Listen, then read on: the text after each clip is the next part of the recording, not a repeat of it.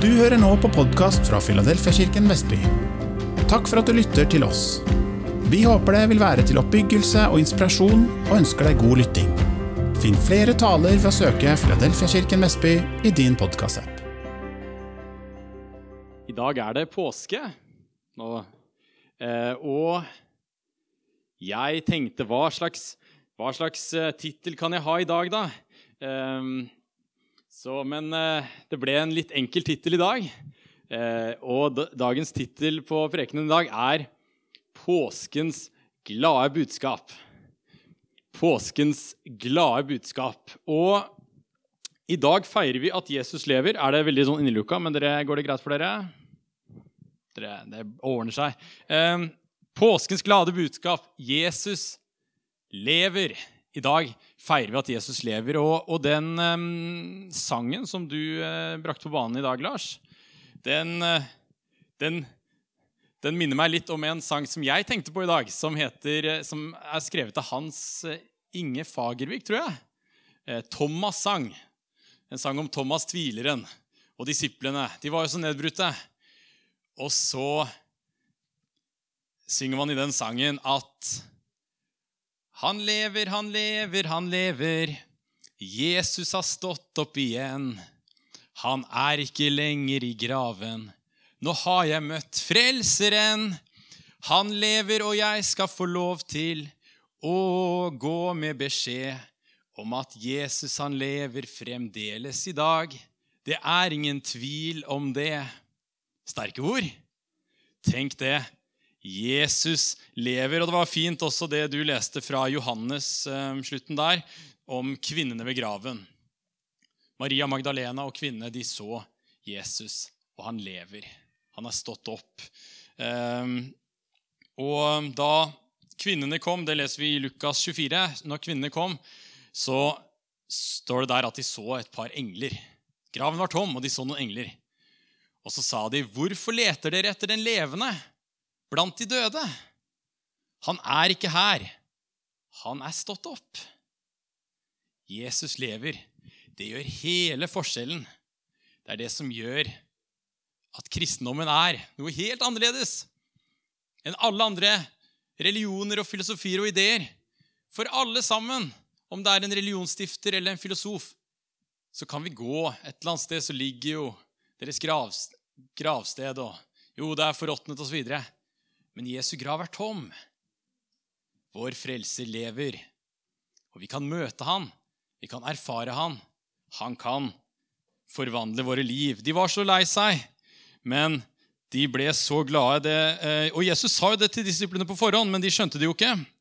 Du verden, De hadde gått tre år med Jesus. vet du. Hans ord slo vel aldri feil. Men her Det her var vanskelig.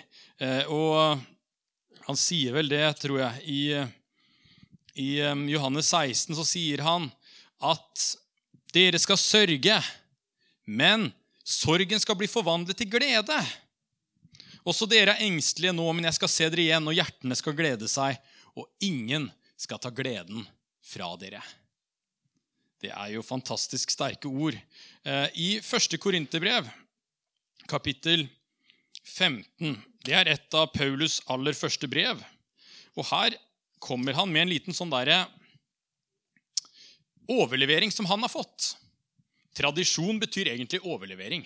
Så her kommer Paulus, som har skrevet I vår bibel så kommer jo Paulus' brev litt sånn etter hvert i Bibelen. Men Paulus' brev er jo de som er skrevet aller først. Og så ble evangeliene skrevet litt senere, så Paulus var veldig rask med å skrive.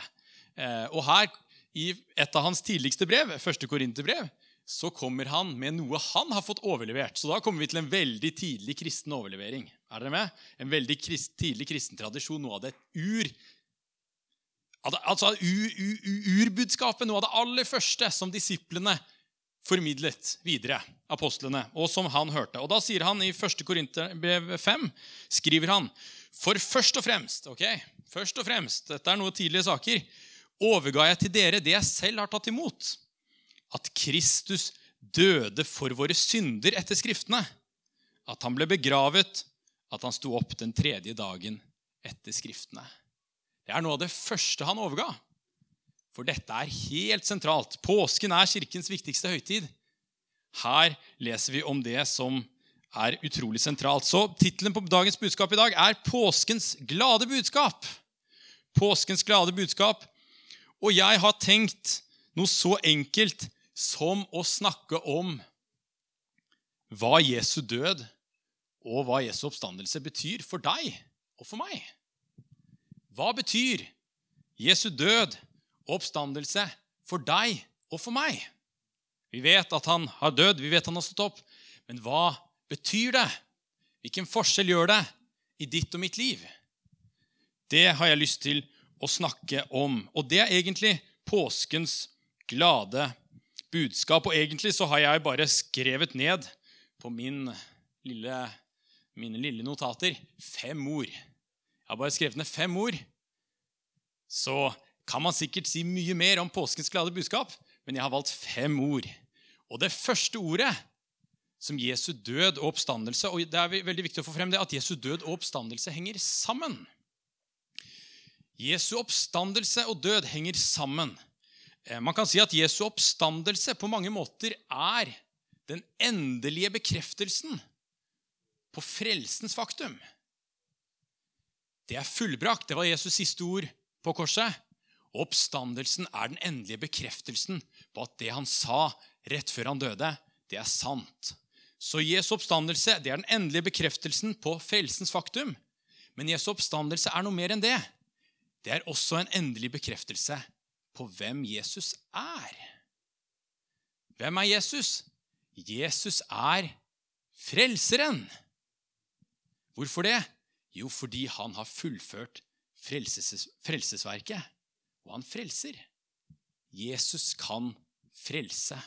Så det er den Jesus er. Oppstandelsen bekrefter frelsen. Hva Jesus har gjort for oss. Det er fullbrakt. Det er en fullkommen frelse, men også hvem Jesus er. Han er en fullkommen frelser fordi han kan fullkomment frelse, fordi han frelser. Og La oss snakke litt om denne frelsen. La oss snakke litt om Jesu død og oppstandelse, og hva det betyr for deg og for meg. Um, og mitt første ord, hva det betyr for deg og for meg, det er ordet tilgivelse. Tilgivelse. Jesus kan tilgi deg og meg alle våre synder. Um, I Kolossebrevet så um, er det i det tre, eh, andre kapittelet og vers 14 så skriver Paulus her at gjeldsbrevet mot oss slettet han. Det som var skrevet med lovbud, han tok det bort fra oss da han naglet det til korset. Gjeldsbrevet mot oss slettet han. Det som var skrevet med lovbud, han tok det bort fra oss da han naglet det til korset. Alle mennesker har gjort mye galt. Gjort mye synd. Vi kan lyve, vi kan stjele, vi kan gjøre umoralske ting. Det er ikke grenser hvor mye galt et menneske kan gjøre. Og Det er nok å se på sitt eget liv og tenke på alt det gale en har gjort. Mennesker har gjort mye galt. Eh, I 1. Johannes så sier det den som sier han ikke har gjort synd, han er en løgner, og sannheten er ikke han. Men så kommer det. Men dersom vi bekjenner våre synder, dersom vi kommer til Jesus med alle våre synder Vi kan jo ha syndet så mye at det er liksom som et fjell å regne. Men når vi kommer til Jesus med alle våre synder, og vi bekjenner våre synder, så står det er han trofast og rettferdig så han tilgir oss syndene og renser oss fra all urettferdighet. Hvorfor det? Det er fordi Jesus tok gjeldsbrevet. Der hvor hele listen med alle våre synder står oppskrevet, der, det naglet han til korset. Han som var uten synd, ble gjort til synd for oss, så vi skulle få Guds rettferdighet. Det er jo en himmelsk byttehandel, er det ikke det? Her har vi gjort så mange forferdelige ting. Og så kommer vi til korset, og vi bøyer kne, og vi sier, 'Tilgi meg.' Og så kan vi få tilgivelse. Eh, Jesus fortalte jo denne lignelsen om denne herre herren som hadde en tjener. og Han hadde opparbeidet seg en så ufattelig stor gjeld. Det var helt umulig å betale denne gjelden. Eh, man kan jo prøve å pynte på en sånn gjeld, men han, han kunne ikke pynte på det. Og når han til slutt kom til seg selv og skjønte det, at nå var det alvor, nå må jeg betale for alt det gale jeg har gjort, da ba han Herren om nåde. Og så fikk han det. Han fikk det. Og Så går han ut, og så møter han en annen felles tjener. en annen tjener. Og han skylder bare bitte litt. da. Eh, han skylder Den ene tjeneren han skyldte den andre bitte litt. Og så sier han, 'Gi meg det. Gi meg det. Eh, betal din gjeld.' 'Ja, men jeg kan ikke.' 'Nei, men da får jeg kaste deg i fengsel.' Men sånn skal ikke vi gjøre. Det er derfor vi ber i Herrens bønn. Tilgi oss vår synd, som vi også tilgir våre skyldnere. Og greien er at vi kan komme fram til korset vi kan komme til Jesus og si, 'Jesus, tilgi meg alle mine synder.' Du ser det, jeg har gjort det der. Jeg har gjort det der. Jeg har gjort det der. Tilgi meg. Og så kan Jesu blod vaske oss rene. Vi kan få tilgivelse. Det er en ufattelig flott ting. Og den som er mye tilgitt, elsker mye. Så er du tilgitt, så blir du hjerteglad. Tenk at Jesus har tilgitt meg alt det gale jeg har gjort. Det er noe av det flotteste. Jesus han tok gjeldsbrevet på korset. Så når Jesus tilgir oss, så la oss også tilgi hverandre. Og la oss ikke, la oss ikke Hvordan skal jeg si det? La oss ikke gjemme på vår synd. La oss komme til Jesus med det. La oss bekjenne det. La oss vende oss bort fra det og få tilgivelse. Ehm, jeg tenkte på her om dagen så her, her, kommer det noen sånne hva skal vi si, refleksjoner fra, fra, meg. Jeg tenkte på det her om dagen. Forskjellen mellom den rettferdige vi kan si den rettferdiggjorte da, og synderen. Hva er forskjellen på den rettferdige og synderen? Den rettferdige, han lever i lyset. Han kommer til lyset. Men synderen, han vandrer i mørket. Den rettferdige, han kommer til lyset med all sin bagasje. Men synderen gjemmer seg i mørket. Han vil ikke komme. Han vil ikke bekjenne sin synd. Men la oss ikke være sånne. La oss komme med alle våre synder til korset og oppleve at vi kan komme frem for nådens trone. Jesus tilgir. Han har lyst til å tilgi alle våre synder. Um, og Jesu blod det står i, uh, hans, det står i 1. Korinterbrev 5, så, så, skriver Paulus at la oss eh, Vårt påskelam er slaktet, sier han. Og, og døperen Johannes sa, 'Se Guds lam', om Jesus, sa han, 'som bærer bort verdens synd'. Jesus er påskelammet. Hva, hva skjedde med påskelammet? Jo, det var jo når israelsfolket var der i Egypt. Og så skulle, de, så skulle dødsengelen komme. Og Da tok de og slaktet påskelammet og de tok noe av blodet på dørstolpene, og da gikk dødsengelen forbi. Det er det som skjer. Da dekker Jesu blod oss. Vår synd er sonet. Vi kan få tilgivelse. Gjeldsbrevet er borte. Vi, tre, vi, vi, vi, står ikke skyldig for det gale vi har gjort. Men det som skjer øyeblikkelig når vi får tilgivelse, da kommer vi til det andre ordet mitt. Det er fred. Den som får sine synder tilgitt, får fred med Gud. Den som får sine synder tilgitt, får fred med Gud. I Romerbrevet, kapittel 5, så skriver Paulus dette her. Han sier Da vi altså har blitt rettferdige ved tro, har vi fred med Gud ved vår Herre Jesus Kristus. Og Gjennom ham har vi også ved troen fått adgang til den nåde vi står i, og vi er stolte om håpet om Guds herlighet. Da vi nå er rettferdiggjort ved tro, har vi fred med Gud. Det som skjer, er at vi får fred med Gud. Jesu offer ehm, Og her kommer vi jo til Jesu offer. Vi snakker om Jesus som et offer. Men Jesu offer er ikke bare et syndoffer.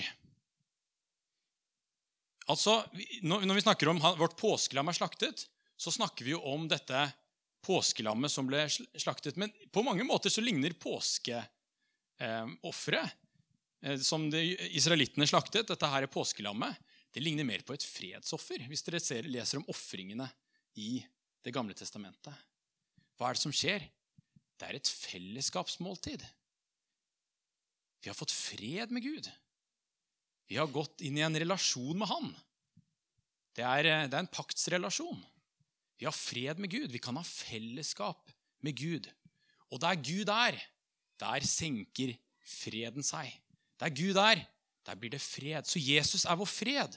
Han har revet ned dette, denne muren som skilte oss fra Gud, og som skiller oss også fra hverandre. Han har blitt vår fred. Vi har fred med Gud. Og her er også en ting ehm, Det står i Isaiah 57 at for den ugudelige eller for den urettferdige så er det ingen fred. Så vi kan så, så der på en måte Og, og, og, og så, sier skriv, så, sier Det nye testamentet La Kristi fred råde i hjertet ditt. La Kristi fred råde i hjertet. Hva betyr det? Nei, nå som du har fått tilgivelse, når du kommer med din synd til Jesus, og du får fred med Gud, og det gamle er borte, så la denne freden råde. Nå har du kommet til lyset. Fortsett å vandre i lyset. Lev sammen med Jesus. Du kan ha en intens og sterk relasjon med Gud. Han har blitt vår fred. La denne freden råde. Hvis det dukker opp ting som forstyrrer denne freden, så igjen, trekk til korset hele tiden. Så kan Kristi fred råde hjertet. Det er den freden som overgår all forstand. Det betyr ikke at det er en sånn abstrakt fred, men det er en reell fred. Reell fred med Gud, som bare den som har fred med Gud, kan ha. Bare den som har fått sine synder tilgitt, kan gå rundt med Guds fred. Han er forsonet med Gud. Det er, det er vitnesbyrd, det er åndens vitnesbyrd i ditt hjerte. Du vet jeg er et Guds barn. Gud er min far. Han elsker meg, og jeg elsker han. Og Det står jo det Gud viser sin kjærlighet til oss ved at Kristus døde for oss mens vi ennå var syndere. Så høyt elsker han oss. Han tar bort vår synd. Han er vårt skyldoffer, vårt syndoffer. Det står det i Jesaja 53. Men ikke bare det. Han er også vårt fredsoffer. Vi kan få lov til å ha fellesskap med Gud, vår far. Er det ikke herlig? Det, det første ordet var tilgivelse. Jesu død oppstandelse betyr at vi kan få tilgivelse. Det andre ordet var vi kan ha fred.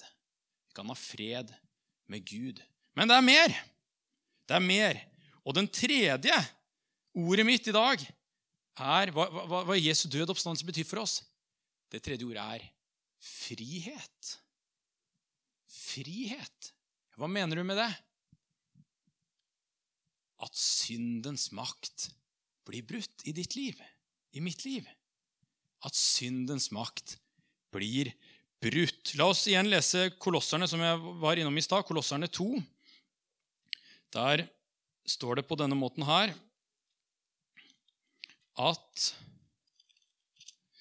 Kolosserne 2, vers 11. I ham, i Jesus, ble også dere omskåret, men ikke av menneskehender. Dere ble omskåret med Kristi omskjærelse da dere kledde av dere den kroppen som kjøttet har makten over. Hørte du det? Da dere kledde av dere den kroppen som kjøttet har makt over. For i dåpen og Vi har jo et dåpsbasseng her. Det er jo et begravelsesbasseng. For i dåpen ble dere begravet med ham. Og i den ble dere også reist opp med ham, ved troen på Guds kraft, han som reiste Kristus opp fra de døde. Dere var døde pga. deres misgjerninger og deres uomskårne kjøtt og blod, men han gjorde dere levende sammen med Kristus da han tilga oss alle våre synder. Hva betyr Jesu død oppstandelse? Jesu død oppstandelse betyr også dette. Han døde.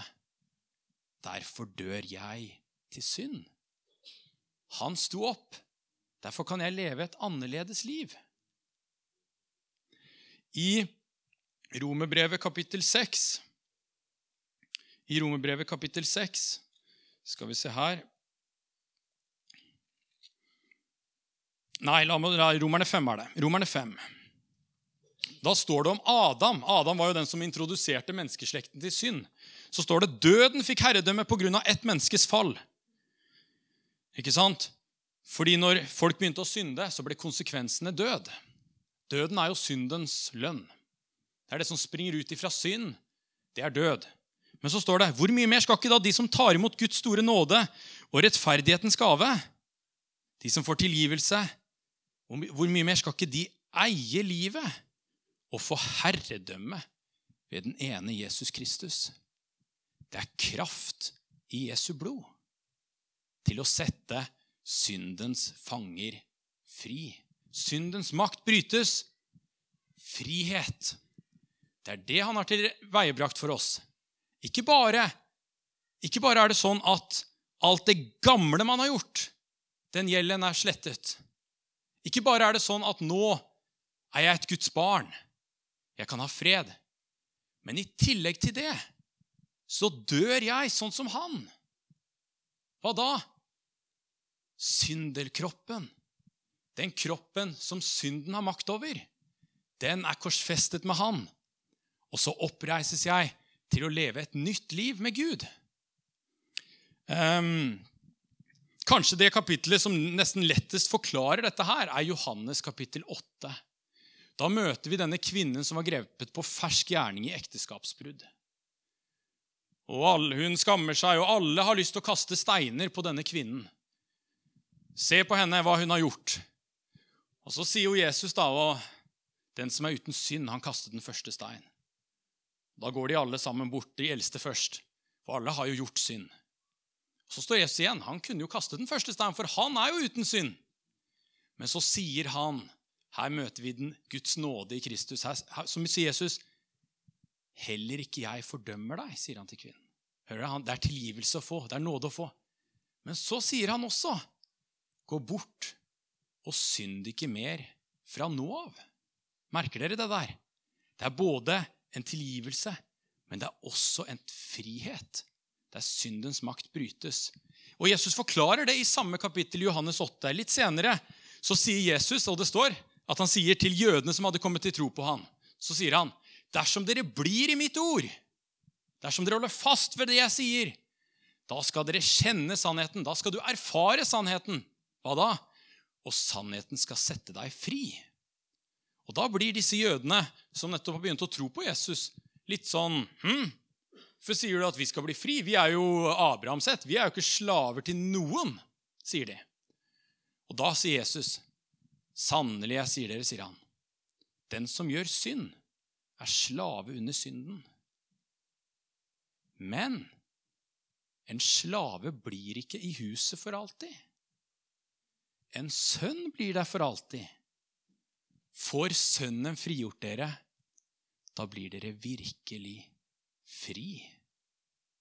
Hva da? Fri fra syndens fengsel. Det er en død, det er en oppstandelse. Det er et nytt liv med Kristus. Om noen er i Kristus, er han en ny skapning. Det gamle er borte. Se, alt har blitt nytt. Så her ser vi Guds store nåde. Det er både tilgivelse for det gamle, det er fred med Gud, men det er også frihet. Syndens bånd og lenker er brutt. Jeg, eh, noen ganger så liker jeg å se litt på sånne videoklipp med han der Reinhard Bonke. Flere av dere har sikkert hørt om han. Veldig kjent evangelist. Eh, og han forteller en historie som jeg syns er litt interessant, som jeg nesten fikk lyst til å fortelle nå. Og det er Eh, en historie som han forteller flere ganger. da, Reinhard Bonke. Og det er, Jeg tror det var på 80-tallet, eller annet, så var han på et TV-program der det var ulike folk. Så Han var der som en kristen predikant, og så var det noen andre ateister og ulike. Og Mens de sitter der, det er en sånn panelsamtale på TV, da, så sier ateisten Du, Reinhard Bonke, du sier at det er kraft i Jesu blod.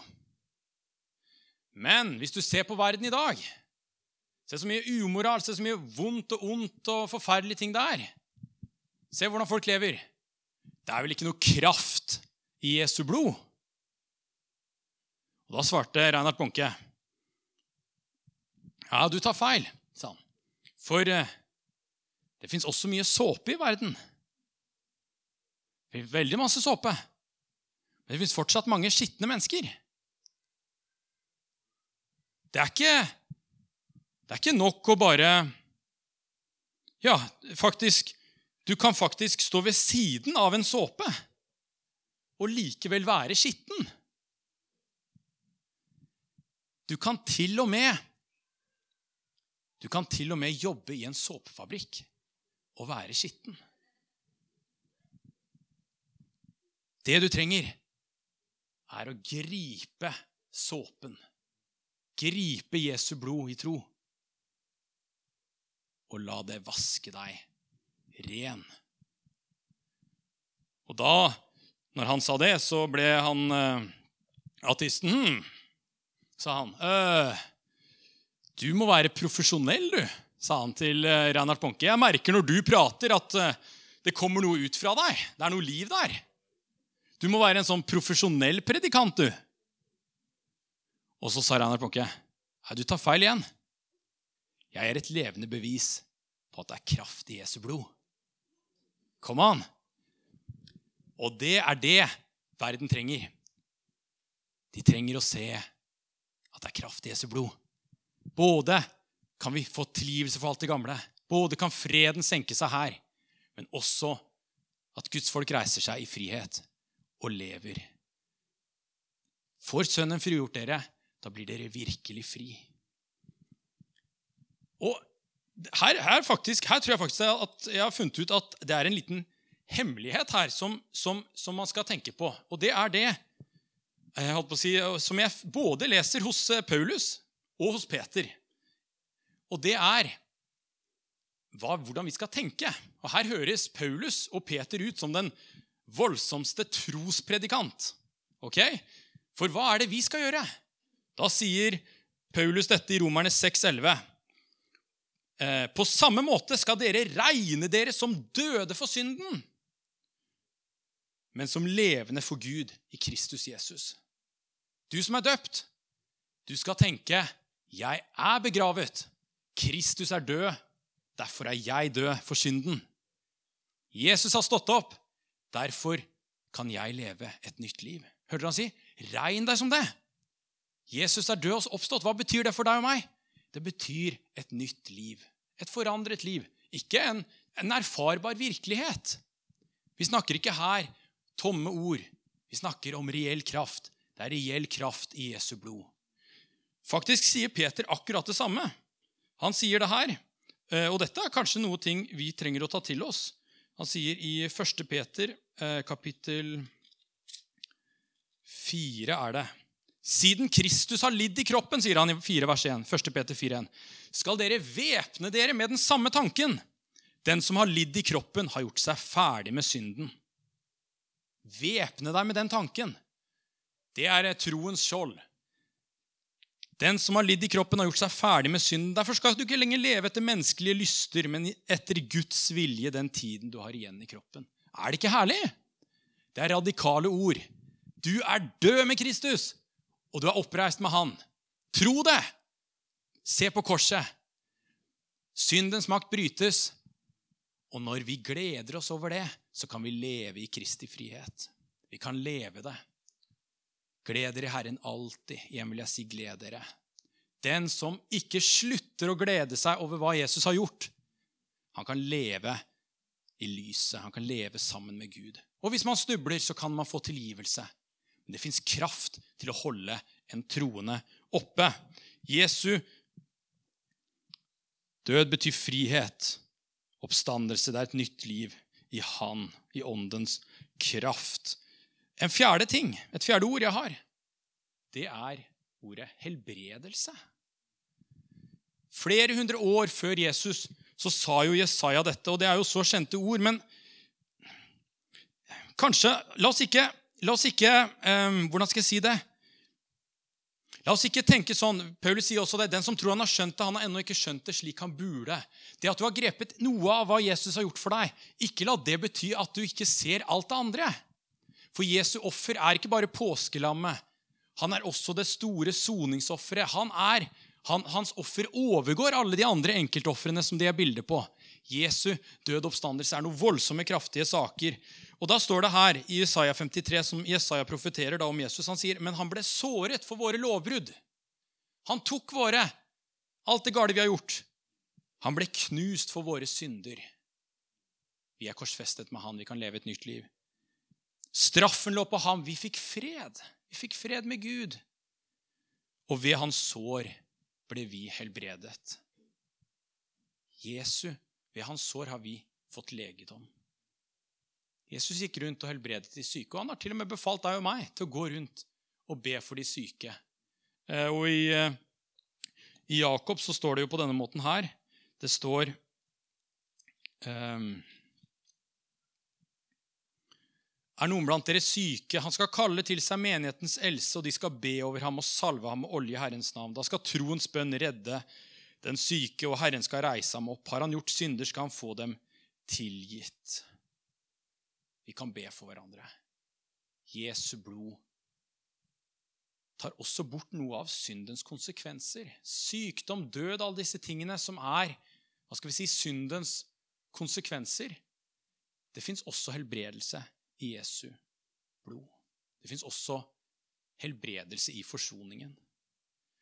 Um, det er ett aspekt ved dette her òg. Det betyr ikke at at eh, vi holdt på å si, her i dette livet får en sånn superkropp. Vi er fortsatt eh, svak og skrøpelig kropp. Men, men det fins likevel legedom. Det fins likevel legedom. Og det fins jo så mange historier og vitnesbyrd om dette med helbredelse, så jeg skal ikke ta alle det, alle det nå. Men Jesus helbreder. Og det kommer derfra. Det kommer fra korset. Det kommer fra korset. Og den siste ordet mitt første var tilgivelse, det andre var fred, det tredje var frihet, det fjerde var helbredelse, og det femte det henger sammen med Jesu oppstandelse. Og ordet er oppstandelse. Du og jeg, vi har et konkret håp om oppstandelse og evig liv med Gud. Jesus har jo allerede stått opp. Han lever, han lever, han lever. På samme måte som Jesus har stått opp, så skal du og jeg også stå opp. Til og med dette skrøpelige kroppen her skal bli forvandlet. Vi skal få en oppstandelse som er lik hans. Og vi kan få evig liv med Gud. Så noe av det Jesus har gjort for oss, er disse tingene her. Det betyr for oss Det gjør en utrolig stor forskjell. Og hva betyr det? Det betyr, Skal vi bare høre om det? Nei, la oss ikke bare høre. La oss handle på det. Har vi gjort synder, la oss komme til korset, la oss komme til Jesus og be om tilgivelse. Ikke skjule det, men komme til han og få tilgivelse. Så kan vi få lov til å slippe fortiden. Og når han tilgir oss, så kan vi også få lov til å tilgi hverandre.